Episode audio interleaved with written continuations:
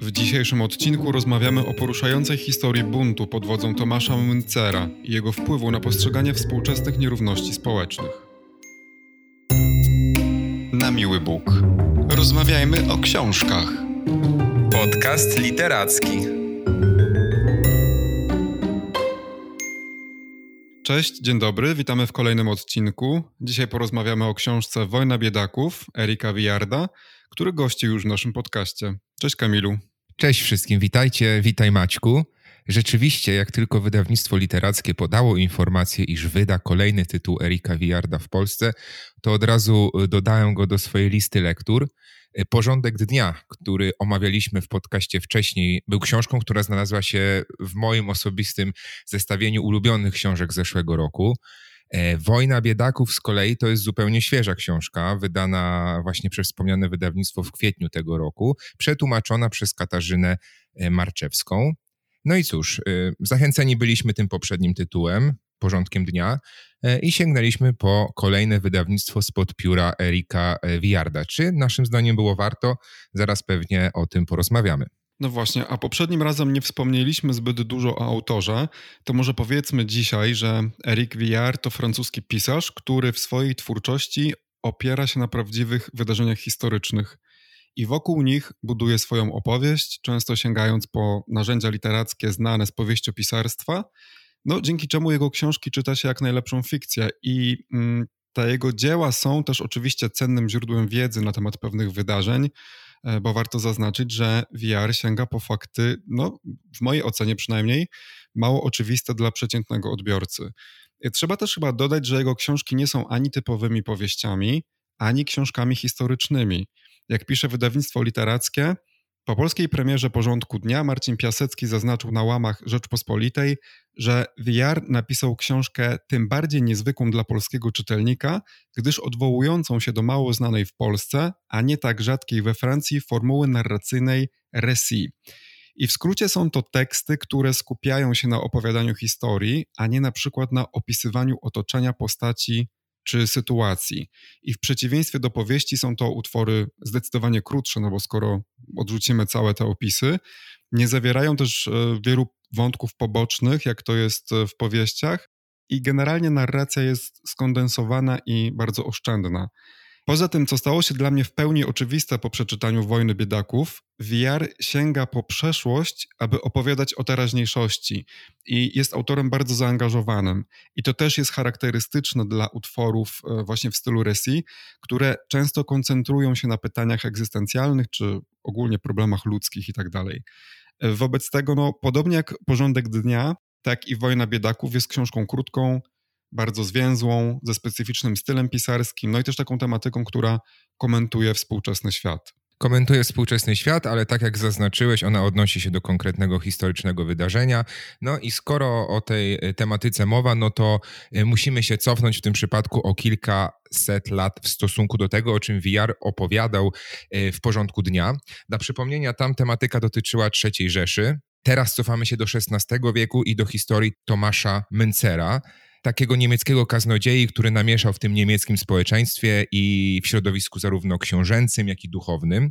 Widać tutaj też, że VR e, jest takim twórcą, który nie skupia się na jednym historycznym wydarzeniu. Często jest tak wśród historyków, że oni e, mają swojego konika. Na przykład jeśli jest to e, druga wojna światowa, no to piszą o drugiej wojnie światowej, prawda? Tutaj VR sięga po zupełnie nowe porównaniu do porządku dnia wydarzenie historyczne, jeszcze oddalone jeszcze od nas o kilkaset lat. No ale skupiając się na Tomaszu Muncerze, Przede wszystkim chciał dokonać jeszcze głębszej reformacji Kościoła protestanckiego, a musimy wiedzieć, że jesteśmy e, już w czasach po reformach dokonanych przez Marcina Lutra.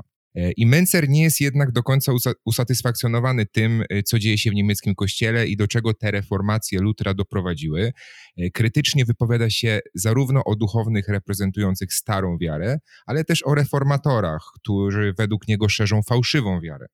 Czyli ta zreformowana wiara jest nadal nie taka, jaka powinna być zgodnie z tym, co głosi Biblia. Występuje więc tak naprawdę przeciwko dwóm głównym ówcześnie środowiskom duchownym. A gdyby tego jeszcze było mało, to w swoich kazaniach, które głosi w języku niemieckim, co też jest pewnego rodzaju nowum, bo wśród ortodoksów herezją było niegłoszenie kazań w kościołach w łacinie, to mimo tego Munzer sprzeciwia się jeszcze całemu zjawisku dysproporcji materialnych, jakie występują w społeczeństwie, czyli kieruje uwagę przychodzących do kościołów mieszczan i chłopów e, na ogromne majątki książąt i innych posiadaczy ziemskich. Ma więc licznych wrogów, ale też posłuch wśród ludu. Tutaj istotne jest też to, że początkowo Münzer przewodził reformacji protestanckiej. On był jednym z przywódców tych pierwszych i wspierał Lutra. Natomiast on się szybko zorientował, że reformacja nie spełniła swoich obietnic wobec prostego ludu i dlatego właśnie stanął w opozycji i stał się przywódcą chłopów i też takim inicjatorem zbrojnych powstań, nie porzucając przy tym jednak religii.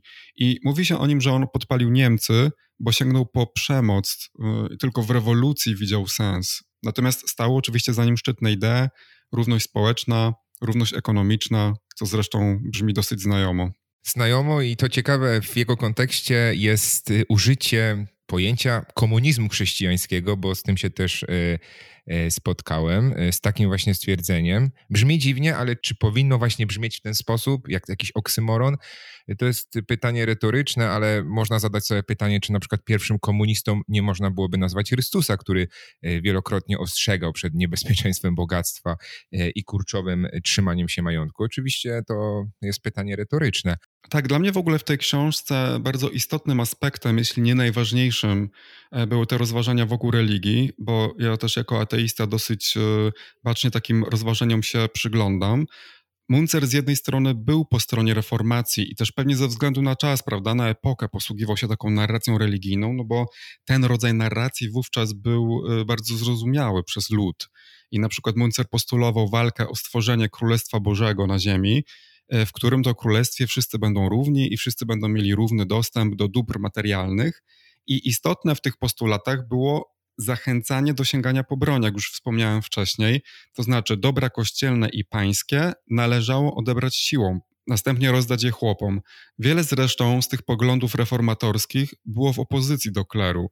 I sama książka ma też dla mnie dosyć antyklerykalny wydźwięk. E, I są takie dwa cytaty, które zapisałem. E, fragment pierwszego z nich zresztą pojawia się na okładce. Brzmi on w pełni tak. Trudno im było pojąć, dlaczego Bogu, który się otaczał żebrakami, którego ukrzyżowano między dwoma łotrami, trzeba tyle blichtru, dlaczego jego kapłani potrzebują takiego zbytku. Niekiedy wprawiało ich to w konfuzję. Dlaczego Bóg ubogich w tak niepojęty sposób stoi zawsze po stronie bogaczy, z bogaczami? Dlaczego o tym, by wszystko zostawić, mówi ustami tych, co wszystko wzięli dla siebie? No ja chyba nigdy nie czytałem tak wspaniałego tekstu na temat tego, że ten sam kler, który na co dzień opływa złotem, głosi z ambony wyrzeczenie się dóbr materialnych, prawda? Że nie mogę zrozumieć do dzisiaj, jak komuś w szacie wyszywanej złotą nicią przechodzą przez gardło słowa o skromności e, czy worze pokutnym. To jest coś, co e, burzy mi krew. I drugi cytat. To nie chłopi się buntują, lecz Bóg, zawołał podobno na początku Luter w przypływie podziwu i przerażenia. Nie był to jednak Bóg. Buntowali się chłopi, chyba że Bogiem nazwiemy głód, choroby, poniżenie, nędzę. Nie Bóg się buntuje, lecz pańszczyzna, czynsze, dziesięciny, martwa ręka, tenuta, pogłówne, łanowe, zbieranie kłosów, prawo pierwszej nocy, obcinane nosy, wyłupiane oczy, ciała przepalane ogniem, łamane kołem, szarpane cęgami. Myślę, że ten cytat nie wymaga jakiegoś szerszego komentarza. Ale mówiąc o Müncerze, nie możemy go sprowadzić też tylko do wroga bogaczy, choć tak pewnie byłoby najłatwiej, bo to jest chwytliwy kontekst. E, natomiast jest to też postać, która wsławiła się swoimi tekstami teologicznymi, między innymi o duszy, która jeśli chce doświadczyć Boga musi być oczyszczona z troski i porządliwości, o Biblii, która jego zdaniem jest tylko słowem zewnętrznym, potrzebującym słowa wewnętrznego, aby gdzieś tam do człowieka docierać i tak dalej, i tak dalej. I mówię o tym w kontekście tego, iż ta postać historyczna y, przez niektórych interpretatorów historycznych odbierana jest skrajnie negatywnie, jako właśnie taki podżegacz ludu i rewolucjonista bez kontroli. E, jednak właśnie trzeba pamiętać o tym, że mm, to, co pozostawił po sobie, czyni go również po prostu wybitnym teologiem e, i filozofem, a kwestia sprzeciwiania się bogactwu to był jeden z elementów e, jego nauki, który rzeczywiście był dla niego ważny, bo gdzieś kłócił się mu z założeniami biblijnymi. E, jeśli chodzi o to podżeganie ludu do buntu, to też trzeba powiedzieć, że te tendencje niższych warstw społecznych do rewolucji czy protestów, również na tle religijnym, co w tych czasach e, było zrozumiałe, pojawiały się już we wcześniejszych dekadach, o czym też VR w swojej książce pisze, powołując się na poprzedników Tomasza Mencera, również w innych krajach. Można więc y, powiedzieć, że takie tendencje nie były jakąś zupełną nowością e, i gdzieś występowały w Europie i kiełkowały w sposób wręcz organiczny. Faktycznie tradycja tego rodzaju buntów, czy w ogóle powstań jest w naszej historii bardzo zakorzeniona, ale też wydaje mi się, że ona nie kończy się na przeszłości, bo na początku wspomniałem o tym, że VR sięga po historię, aby właśnie opowiedzieć o teraźniejszości, to znaczy, aby na zasadzie analogii zabrać głos no, w tak zwanych ważnych sprawach. I przy porządku dnia opowiadał wówczas o mariażu niemieckich przedsiębiorców z Hitlerem, no chyba też po to, aby przestrzec przed prowadzeniem biznesów ze współczesnymi dyktatorami. I teraz e, jesteśmy przecież świadkami, mówiliśmy też o tym w tamtym odcinku, świadkami konsekwencji utrzymywania przez Europę relacji biznesowych, na przykład z Putinem. I na podobnym schemacie opiera się wojna biedaków. To znaczy, VR sięga po czasy jeszcze bardziej odległe, aby opowiadając o buncie chłopów, opowiedzieć tak naprawdę o walce ubogich o swoje prawa i godność. Oczywiście ten zabieg nie jest niczym nowym, bo warto wspomnieć chociażby dramat Artura Millera Czarownicę z Salem, który zawsze przychodzi mi właśnie do głowy, gdy mowa o takich literackich analogiach. I to jest dramat opowiadający wydarzenia z XVII wieku, a napisany w 1952 roku.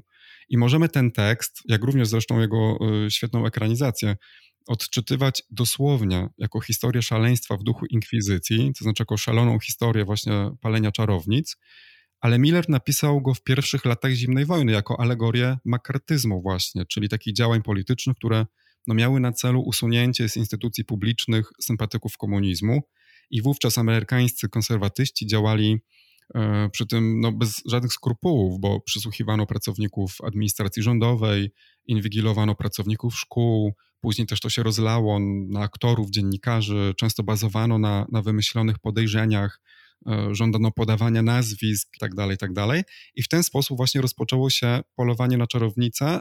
W ogóle wydaje mi się, że to sformułowanie polowanie na czarownicę w takim metaforycznym właśnie kontekście ukuło się właśnie po premierze tego dramatu. I z kolei, gdy ja e, czytałem Wojnę Biedaków, przyszedł mi do głowy świetny film Parasite, który no, rewelacyjnie pokazuje współczesne rozwarstwienie społeczne. Oczywiście robi to w takiej skali super mikro, na przykładzie jednej konkretnej rodziny. E, no i pokazuje, do czego to rozwarstwienie może prowadzić. I w ostatnich latach tego typu narracji jest coraz więcej bo też mi się wydaje, że coraz mocniejszy jest sprzeciw ubogich wobec bogatych. To rozwarstwienie też no, jest kolosalne i, i tylko rośnie. Czy też w ogóle sprzeciw społeczeństw wobec e, elit rządzących, prawda? Że ta złość jest tak ogromna, że aby ją zobrazować, twórcy Parasite musieli sięgnąć do takich ekstremalnych rozwiązań w stylu właśnie Tarantino. No naturalnie współcześnie w skali makro nikt nie morduje bogaczy czy elit rządzących, gdy chcemy zaprotestować, po prostu teraz wychodzimy na ulicę. W cywilizowanych krajach oczywiście też nie dochodzi do krwawego tłumienia demonstrantów, tak jak to jest u Wiarda, czy obcinania im głów na przykład, ale w tych niecywilizowanych, owszem, wydaje mi się, że tak, że dochodzi. I to, o czym pisał VR, przez cały czas jakoś odbija się echem um, z tych wydarzeń, które pamiętam, chociażby, nie wiem, masowe protesty Brazy w Brazylii przeciwko rządowi, to było z 10 lat temu, tam, tam też głównie na ulicę wyszli młodzi, e, osoby z niższych warstw społecznych, e, ludzie biedni, ubodzy, czy ruch żółtych kamizelek we Francji, prawda? Protesty przeciwko właśnie polityce rządu i też takim niedostatkom materialnym, to było jasno podkreślane. Czy na przykład z innej strony patrząc, protesty w Hongkongu niedawno przeciwko rządowi chińskiemu i takim próbom ograniczenia wolności obywatelskich oraz samorządności Hongkongu, co miało miejsce po przejęciu już Hongkongu przez Chiny. No była też Białoruś, India i pewnie całe mnóstwo innych krajów, i w każdym z tych przypadków ludzie buntowali się przeciwko rządom lub instytucjom, które uważali za wyzyskujące albo właśnie łamiące ich prawa i wolność. I szczególnie ważne wydaje mi się słowo wyzysk, bo pamiętajmy, że ta wojna chłopska w Niemczech, o której pisze VR, była tak naprawdę buntem zwykłych ludzi z niższych warstw społecznych. To nie zawsze byli chłopi. I też ta książka w świetny sposób uzmysławia nam, jak starym problemem są wszelkiego rodzaju nierówności i że one nigdy się nie skończą. No pewnie musielibyśmy stworzyć jakąś utopię, żeby to nie miało miejsca, a też już wiemy, że utopia jednak jest takim systemem, który jest bezsensowny. I ciekawa jest też sama postać Muncera jako takiego lidera prowadzącego tłum na barykady. Kogoś, kto zachęca do buntu, do działania, do brania spraw we własne ręce. I oczywiście Muncer był postacią z XVI wieku, którą dziś trudno byłoby nam odnaleźć w dokładnie takiej samej postaci, jednak idee, które reprezentował, czyli no właśnie walkę o, o wolność, godność i prawa, e, no one nadal, nadal, są aktualne, one się nigdy nie zestarzeją i na przestrzeni choćby ostatnich dekad znajdziemy wielu takich liderów, wielu takich muncerów, prawda? Mandela, Gandhi, Luther King. Zaznaczam, że to nie są analogie jeden do jeden, bo Muncer na przykład uciekał się do przemocy, e, ale powiedzmy, że chodziło mu o podobne idee i w tym sensie historia cały czas się rymuje. Tak, z tych zacytowanych przez ciebie przykładów y, obecnych buntów społecznych, które mają miejsce, y, wydaje mi się, że najbardziej adekwatny byłby ten ruch żółtych kamizelek we Francji, bo to jest też przecież ojczyzna Erika Viarda, i właśnie to wydarzenie, jak czytałem, przyspieszyło też publikację Wojny Biedaków, której gdzieś tam premiera miała być we Francji nieco później. Tak więc VR y, wpasowuje się w aktualne tematy ze swoimi historycznymi rozważaniami, tak jak już stwierdziliśmy. I w kontekście tego, co powiedziałeś, też zaczynam się zastanawiać, czy postaci pokroju Tomasza Mencera można kategoryzować i odbierać jednoznacznie pozytywnie, no bo skoro y, nierówność nigdy się nie skończy, to po co gdzieś narażać ludzi na śmierć w rewolucjach, po co nawoływać ich do niebezpiecznych akcji protestacyjnych?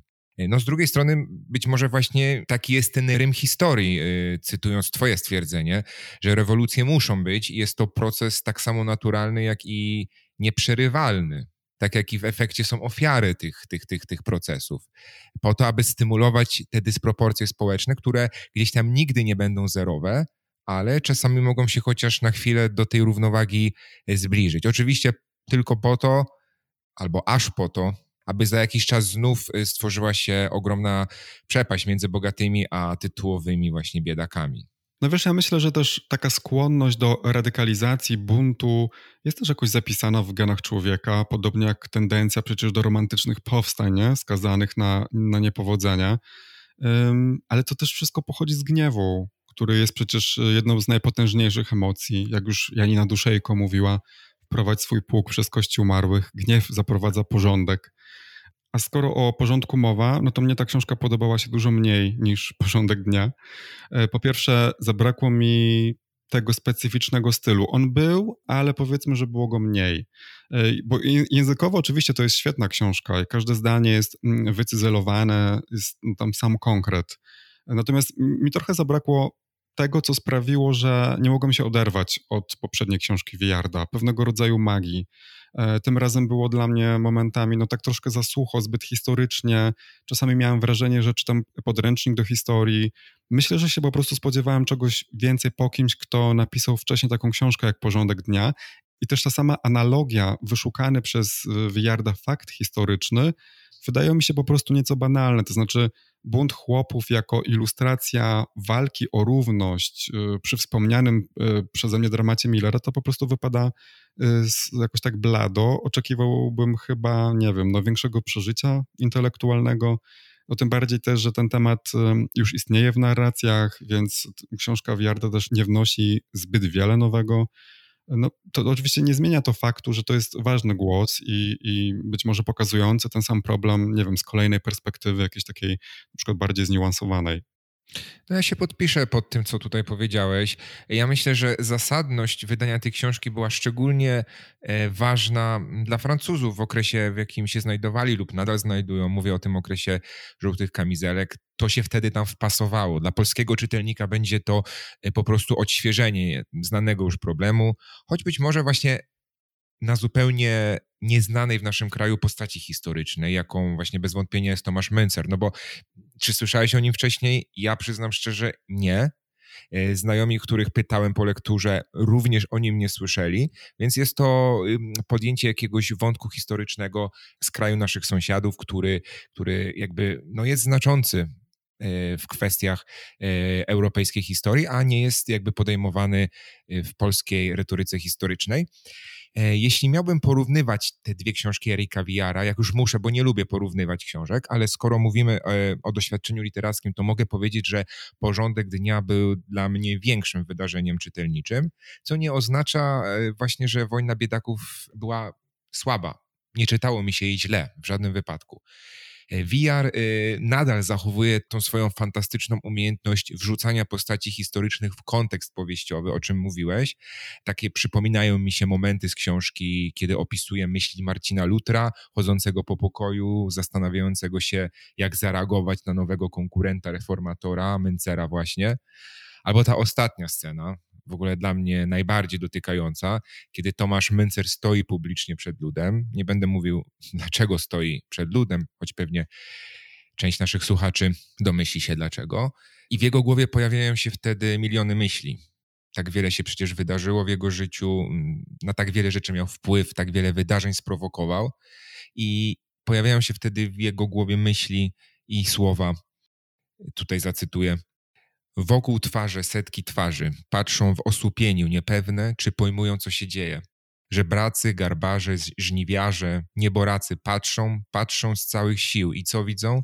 Drobnego człowieka przygniecionego wielkim ciężarem. Widzą człowieka takiego jak oni o spętanym ciele i tak dalej. Więc y, dla mnie to są zupełnie porywające to dane fragmenty fabularne, które jakby nie rażą mnie mhm. w, ca w całym kontekście tej książki, ponieważ to jest jakby domniemywanie w takim obszarze bardzo bezpiecznym. To nie jest domniemywanie faktów, miejsc, osób, wydarzeń, tylko to jest y, wchodzenie jakby w psychikę człowieka, w jego emocje, w jego uczucia. I to jest y, niezwykłe doświadczenie właśnie w kontekście postaci historycznych, o których wiemy wiele jakby nie znamy ich przemyśleń, natomiast gdzieś Eric VR jako baczny obserwator potrafi przenieść to e, w tą historyczną opowieść. Więc ja zostaję wśród sympatyków Wiarda, mimo że ta druga książka była książką słabszą niż jego debiut w polskim świecie literackim i czekam na kolejne króciutkie książeczki, jednak z bardzo dużą i znaczącą treścią od tego właśnie autora.